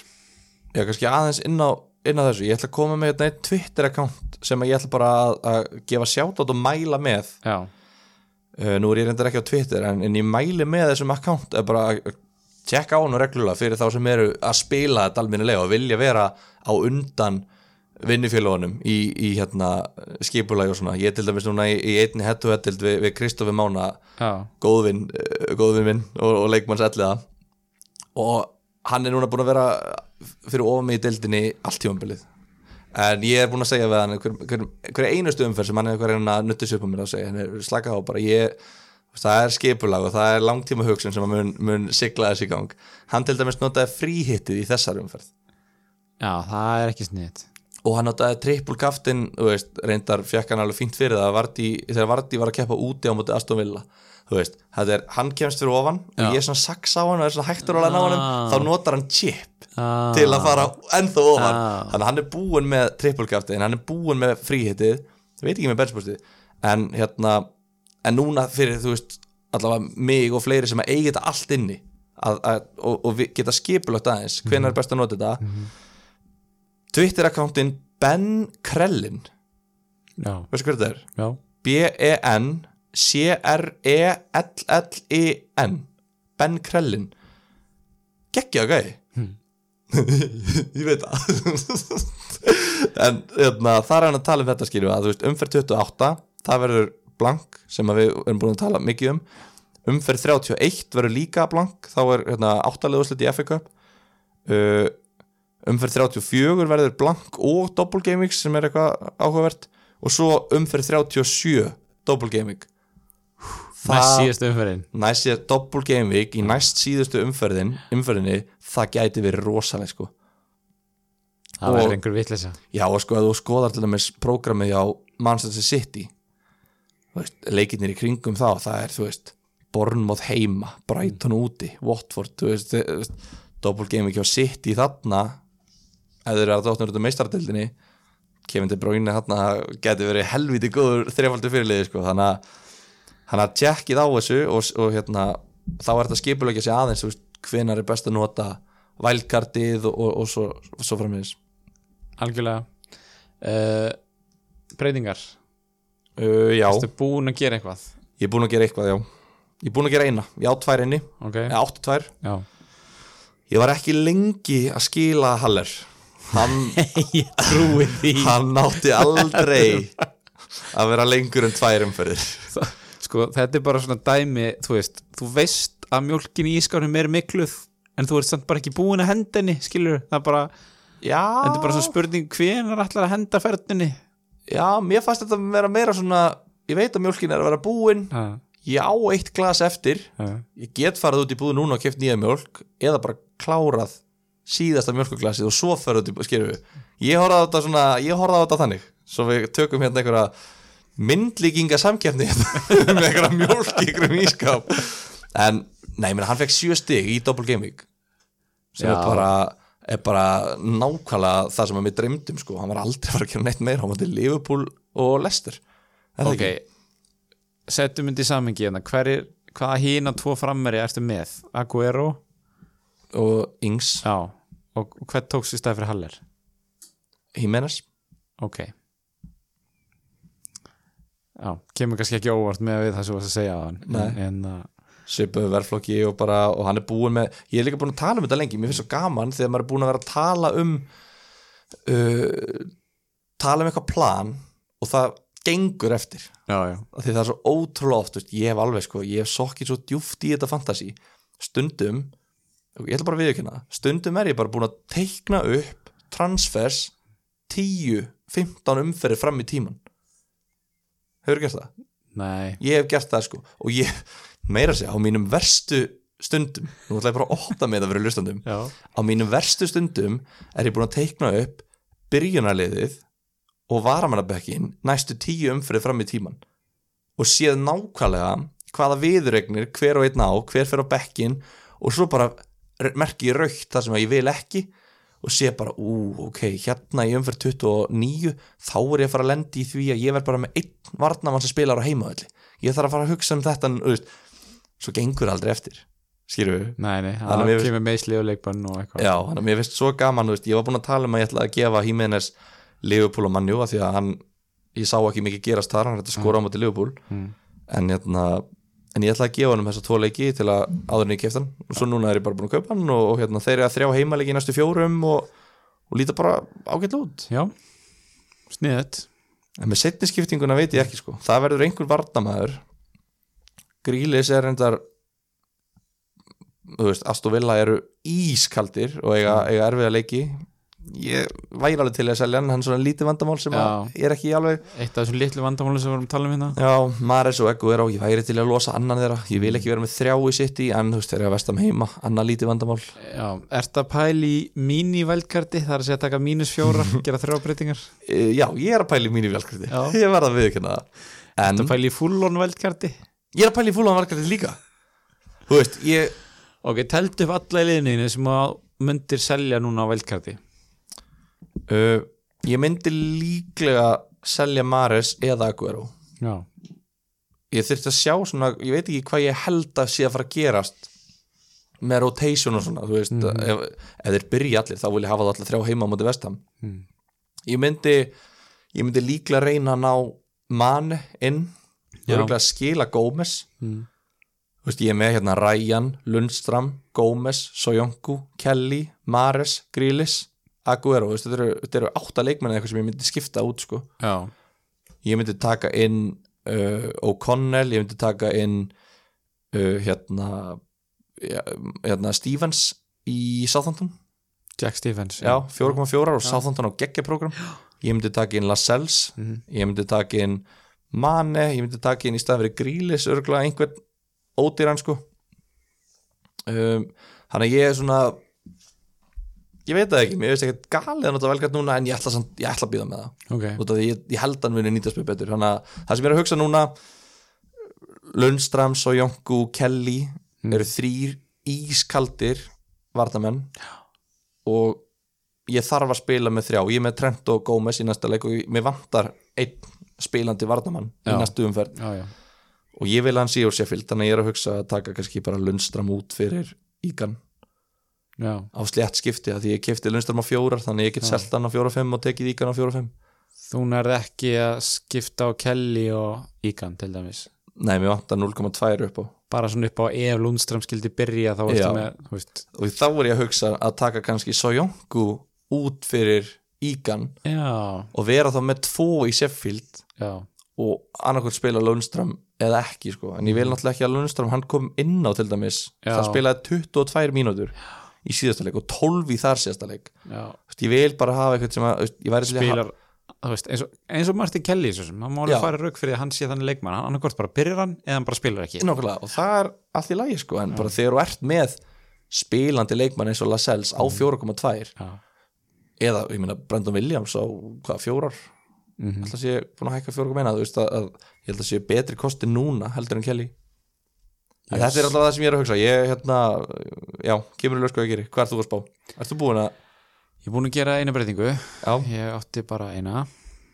Og ég var að tala um svona mörg lítil vandamál já, í liðinu, veist, þetta Lundström, Kelly uh, þú veist, ætlaði mér, eins og ég segi, fyrir umferna að selja vorti núna. En þar sem ég langar bara ekkert að kaupa neitt í staðinn þá sé ég bara enga ástæða til þess.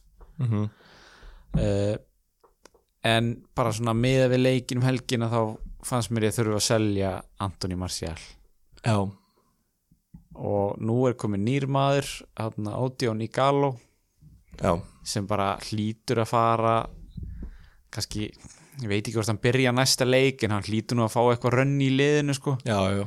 Veist, með að hvað vantar mikið slagkræft þarna fram á við. Mm uh, ég ákvað að taka ekki þú veist, ég náttúrulega auðvitað pældi Bruno Fernandes en ákvað að taka ekki sko mann í sama liði af því vandamál, dýrari mann sem spilar aftar er vandamál er kannski fyrst og fremst liði sko. Já, uh, ég ætlaði eiginlega að taka sko Harvey Barnes á 5,9 já, það er hann er búin að delivera þrjáleiki röð. Já, skora held í röð fá 7, 12 og 7 eða eitthvað. og ætlaði þess að taka sko Martial og Vardy út og Barnes og Aubameyang inn. Mm svo eftir ég hætti við þessu Aubameyang plöna þá er ég einhvern veginn, æ, ég langar kannski ekki að taka annan í Lester nei, þannig ég endaði bara í algjöru svona wildcard picki ef við getum sagt sem svo að ég er að fara ég tók Steven Berg Nei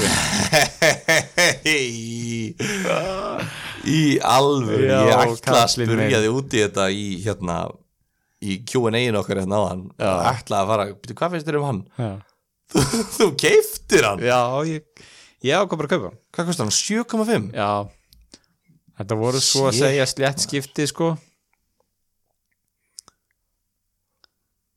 Og Jöfull var hann lengi að fagna með höndina í andlutum Já. Hvað, eftir leik og ég bara, og í hvað þetta var lúðalegt. Mourinho hérna hrósa hann mikið eftir leik og hrósaði meðal annars líka þú veist, vinnuframlægin og svona. Já, ímislega sem gaf þig kynna að sé að fara að spila bara flesta leiki, alltaf fór beint í liðið. Já, menn hann verður að spila það er ekki. Og hérna skoraði hann að gegja mark í þessum leik og við erum þetta fengið líka tölvöld spurningum um nýja leikmenn og ég hef alltaf sagt það sama ég kaupi ekki, ég íhu ekki einu svona að kaupa nýja leikmenn fyrir en þeir eru konum með fyrsta markið sitt. Veist, ég er ekki að íhu að Bruno Fernandes fyrir en hann skilar einhverju frá sér fyrst. Já, að það er svo auðvelt að kaupa eitthvað sem, veist, að, koma nýrin í dildina og bara ráða ekki við hana. Mm þú veist, hann er allavega komið eitt mark þegar hann er svo sem alveg búin að réttlæta að ég íhu hann. Mhm. en mér finnst hérna mér finnst þetta bara að vera djarft, uh, djörf ákvörun Já, þetta var einhvern veginn bara svona sjens sem ég var alveg til í að taka. Já, skilur mig? Já, algjörlega. Þú veist, ég var eins og segi, ég hefði kannski helst tekið Harvey Barnes en ég er svona ákvað bara að henda mér í þetta. Já, þetta er bara ég ætla ekki að hérna, ég ætla ekki að og mótmæla þetta er svona skamtíma move sko, Þú veist, ég ætla að gefa hann um hérna, þegar ég Aston Villa í næsta leik þá er nú kannski líka helst ástæðan fyrir að ég gerði þetta hættulega lélega vilamenn sko. já, og svo Chelsea þar á eftir sem er ekkit ekkit sterkir varnarlega sko Nei. þannig að ég ætla að gefa hann tvo leiki já, og sjá hvað gerist uh,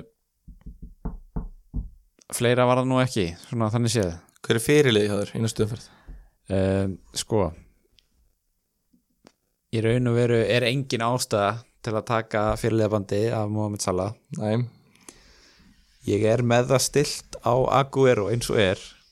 Já, ég það er ætla, svoleiðis. ég ætla ekki að lofa því að það haldist. Nei. En þeir eiga, sko, er næsta, næsta umferð er náttúrulega grilluð. Það er fjóri leikir núna þessa helgi mm -hmm. og svo sex leikir helgin eftir það. Já þannig að við þurfum að býða alveg rosalega lengi til að sjá þú veist, Ég er bara óþólandi sjá hvað gerist í umferðinni. Ó, þú veist, ógist að leið, hvað, erum við að fara í tveggja vegna pásu núna frá podcastinu en samt eru leikir gæðu, veist, þetta er ég þól ekki svona klopnar umferðir þar sem að, þú veist, eins og bara síðast þó það voru tíu leikir og einn leikur mér varst það samt bara svona, ó, þú veist. Kláriði bara hann síðasta leik. Já, nákvæmlega, þú veist, eins og núna, þú veist, hvað, erum við að fara að hittast á mánudaginn og tala um fjóra leiki og svo hittast, þú veist, nei við tökum bara eftir á. Að, ég veit ekki, ég er alveg, já, sjáum til. Ég nenni allavega ekki að fara að mæta en tala um Everton, Crystal Palace og Brighton Watford Na, sko. þá bara kem ég hérna með tind, við komum þetta klukkan tvö um nótt og tökum, segjum við að vera eitthvað þvæla, sko, kannski Já. skora mætti ræjan eða eitthvað, en hérna, en já, þetta er allavega illa pyrrandu fyrir, en sitt í ásett leik núna, Já, þessa helgi, já. og Leopold leik helgina eftir, já, uff, maður, Ó, sko ég trú ekki að, ég vil ekki að þetta láta mig fara að hugsa þetta einu sinni. Hvað, að setja sitt í mann sem fyrirlega já, ég veit ekki hvað ég á að gera sko. Sko, en síðan er náttúrulega alltaf þetta pep rotation risk sko. Þú veist, ég nenni ekki að fara í þennan pakka sem þú varst í hérna fyrir á leiktinni þar sem þú varst að skýta í því fyrir hvert seinasta sitt Þú ert komin í nákvæmlega það. Akku er að fara að byrja. Á ég að Þannig seg að því leitunum til finnst mér mjög líklegt að ég, þú veist, Sala endi þessi fyrirlið bara upp á sko það, það er svona þægi, þægindi sko. En hérna Á ég að koma með eitt hérna? Já, Kevin De Bruyne. Já, Þetta er bara eitthvað sem ég er að fatta núna bara á staðinu sko, Þannig ég veit ekki alveg hvernig ég er að fara að bera þetta fram. Kevin De Bruyne, hann er hérna fýtleikmaður, hann spilar 90 mínútur í öllum leikjum ok, hann á sitt í heima. Uh, Tapleikir sitt í á tímabilinu. Mm að því að hann virkar svona á mig sem svona gæi sem að þú veist, ef hann tapar þá kemur hann tvöfald sterkari í næsta leik. Já, ég fór svona að hugsa bara, gera, er hann ekki alltaf svona verður hann ekki alltaf svona reyður góður? Svona, þú veist, það er alltaf svona einn gæi í árgangur sem verður svona reyður þegar hann Já. gengur illa og bara tekur yfir. Já, og maður er bara svona, af hverju ertu ekki alltaf reyður allavega, þeir tapa á móti City. Nei, ég segi all, ég segi þetta líka á þann Já. Hva, hvað er af þér? heitir þetta ekki Norwich City? Jú. BOOM! BOOM! en, já, já, Já, bara City mönnum. Veit ekki hvað sem vel náður að bjarga þessu fyrir hótt bara City, kanarifuglunum í City Já. eins og við tölum um. Það, er hérna, þeir tapa á móti þeim, það er fyrsti tapleikurinn þeirra á tímabilinu. Já. Eftir það fær hann 17 stig ok, á móti Watford. Mm. uh, svo tapar hann á móti Wolves 2-0 og hann er kvildur í þeim leikreitar og eftir það uh, fær hann þetta þrjú stig á móti Crystal Palace ok, þeir tapa á móti Liverpool Já. og eftir það fær hann sjö stig á móti Chelsea. Mm. þeir tapa á móti Manju og eftir það fær hann 19 stig á móti Arsenal. Þeir tapa á móti Wolves aftur og eftir það fær hann 14 stig á móti Sheffield. Og núna tapa þær á móti Tottenham. Hvað er Já. að fá mörg stig á móti Vestam uh, sko, ég bara þér að segja, þá var ég búin að setja bandið á hann 14, 19, 7 Já. 17, 3 mér ætla að langar rosalega mikið að taka sensin á sittimönnum sko þessa helgina. Já, en að samanskapi meina, ef þeir eru skelvilegir varnarlega og það er engin ástæð fyrir að Sala ætti ekki að geta skora tvö mörg þar sko. Nei, nei. Al- al- alls ekki sko. Já ég, veist heldur að Sala verði kvildur er einhver hætt á því? Mér finnst það svo skrítið út af því að þetta er hérna þetta er fyrsti leikur eftir tveggja vikna vetarfrí já, en, en hvenar er meistarall nú bara get ég ekki muna, er þetta ekki í lók februar hún er í vikunni eftir setnileikina hana. Er hún, þre, er hún þremur dögum 20. eftir er hún þremur dögum eftir hérna Norðursleikin hún er þá ní, á, 18. og 19. held ég já þeirra leik við Norvits setnipartin á sunnudegi já, og svo þriðjudags kvöld er þeir að spila í Madrid já, oh my god þú ert gjörsalega að eigðilega þetta fyrir mig sko. ég var bara búin að setja Sala bandið og Já. bara sáttur já, oh my god, verður hann ekki bara kvildur þeir hafa enga ástæð til að spila á móti Norvits jú, ok, jú, kannski koma sér í leikform. Jú, reyndar. Shit, maður, en er leiðið að vera konin í 3-0 á 70. mínútu þá er hann farin sko. Oh my god. Ég bara. Þannig að ég, ég svona óavitandi er svolítið að íta okkur í áttina að sittimunum hérna. Já, bara 100% Ég þetta ekki alltaf þótt brunni Líka, sko eða ok, reyndar ekki, kannski ekki hlustundur okkar sem er að fatta þetta núna saman tíma við en þeir sem að eru að spila, þú veist, eins og við sáum það voru allir með Sala sem fyrirlega núna. Já, og margi sem eru með manni held ég að séu að skipta yfir í Sala þó mér finnst það ekki ástæða til þess. Ég held að allir verði með Sala sem fyrirlega núna í þessari fyrir já, þú veist, ég er, bara, ég er að tala um skeru bara svona 50-70% af hérna, virkum spilurum. Já. Þannig að þetta er svona enn og aftur ef maður að pæla, á maður að taka sjensinn á maður að taka sjensinn og, og fara móti strömmnum eða á maður að hérna, sleppa því ég, eigum við ekki bara að setja það inn á Instagrami okkar á föstudaginn Jú, hvað við gerum Hestinjótt, jú, kannski líka bara setja bara pól og fá bara ráðgjöf sko. Ég þarf bara ráð, ég þarf bara leit ég þarf bara tímaði sálfræðingi ég, þetta, sko. ræða þetta ég er bara oh, ég ætla að stressa það fyrir þessu Held- líka því það er búið að ganga svo vel maður er búin að vera að klifra upp og stundum búin að fara á Já. ég spila þetta bara safe og valdi sala og leiði bara, veist, að spila þetta safe er stundum bara best það er oftast besta leiðin Já, þannig að ég er svona, ok, þú veist ég get, núna, þetta er svona, þú veist þið, gengur vel og þú veist svona, ok, mér getur ég gæti farið ennþá ofar ef að ég geri rétt, skilju Mhm. og þú veist, en ef þú ætlar all-in í hverju hönd, sko, þá endar alltaf með null Já. Þú veist, þú þarft á endanum að húsið, sko. Já, þú þarft á endanum bara að, að, að spila ekki höndina, skilju, þú getur ekki alltaf bara að fara all-in á allt, sko. Þannig að, ég veit ekki maður. Ó, þetta verður bara Já, en hérna að lokum þá ætlum við að fara yfir þá sem voru stigahæstir í Budweiser-dildinni í umferðinni. Og Já. það voru tveir spilarar sem fengur báður 94 stig. Annars vegar liðið Skóls, Skór, Skóls Bjarni Ben Kristjánsson. Og hins vegar FC Breiði Reiði. Kristján Breiðfjörð. Breyði reyði og þeir fá báðir kassa af Budweiser og með að hafa samband við hann Mate. Var hann með trippul kaftin Já, á Nei. sala? Já. Kristján Breiðfjörn nefnilega spilaði triple kafti núna á Sala. Djúvillar hartmaður og og fekk fyrir hann, líka. og fekk fyrir hann 48 stig. Og hann besaka alvörunni ertu að fá, ertu að fá kipa Böttvæsir fyrir Kassa, kassa af Böttvæsir fyrir að vera með Van Bissaka í liðinu Jésús. Jæja, Hérna og hann Bjarni var sérst með Sala í kaftin fyrir mínu og frammi og svo var hann með Snodgrass sem að tók í deila fyrir hann. Þetta er minn maður. Og hendi svona í markin reyndir Já, hann hérna greinilega great minds think alike með það. Jú, jú. En uh, þá segjum við þetta gott á bili og heyrumst í næsta þætti. Takk fyrir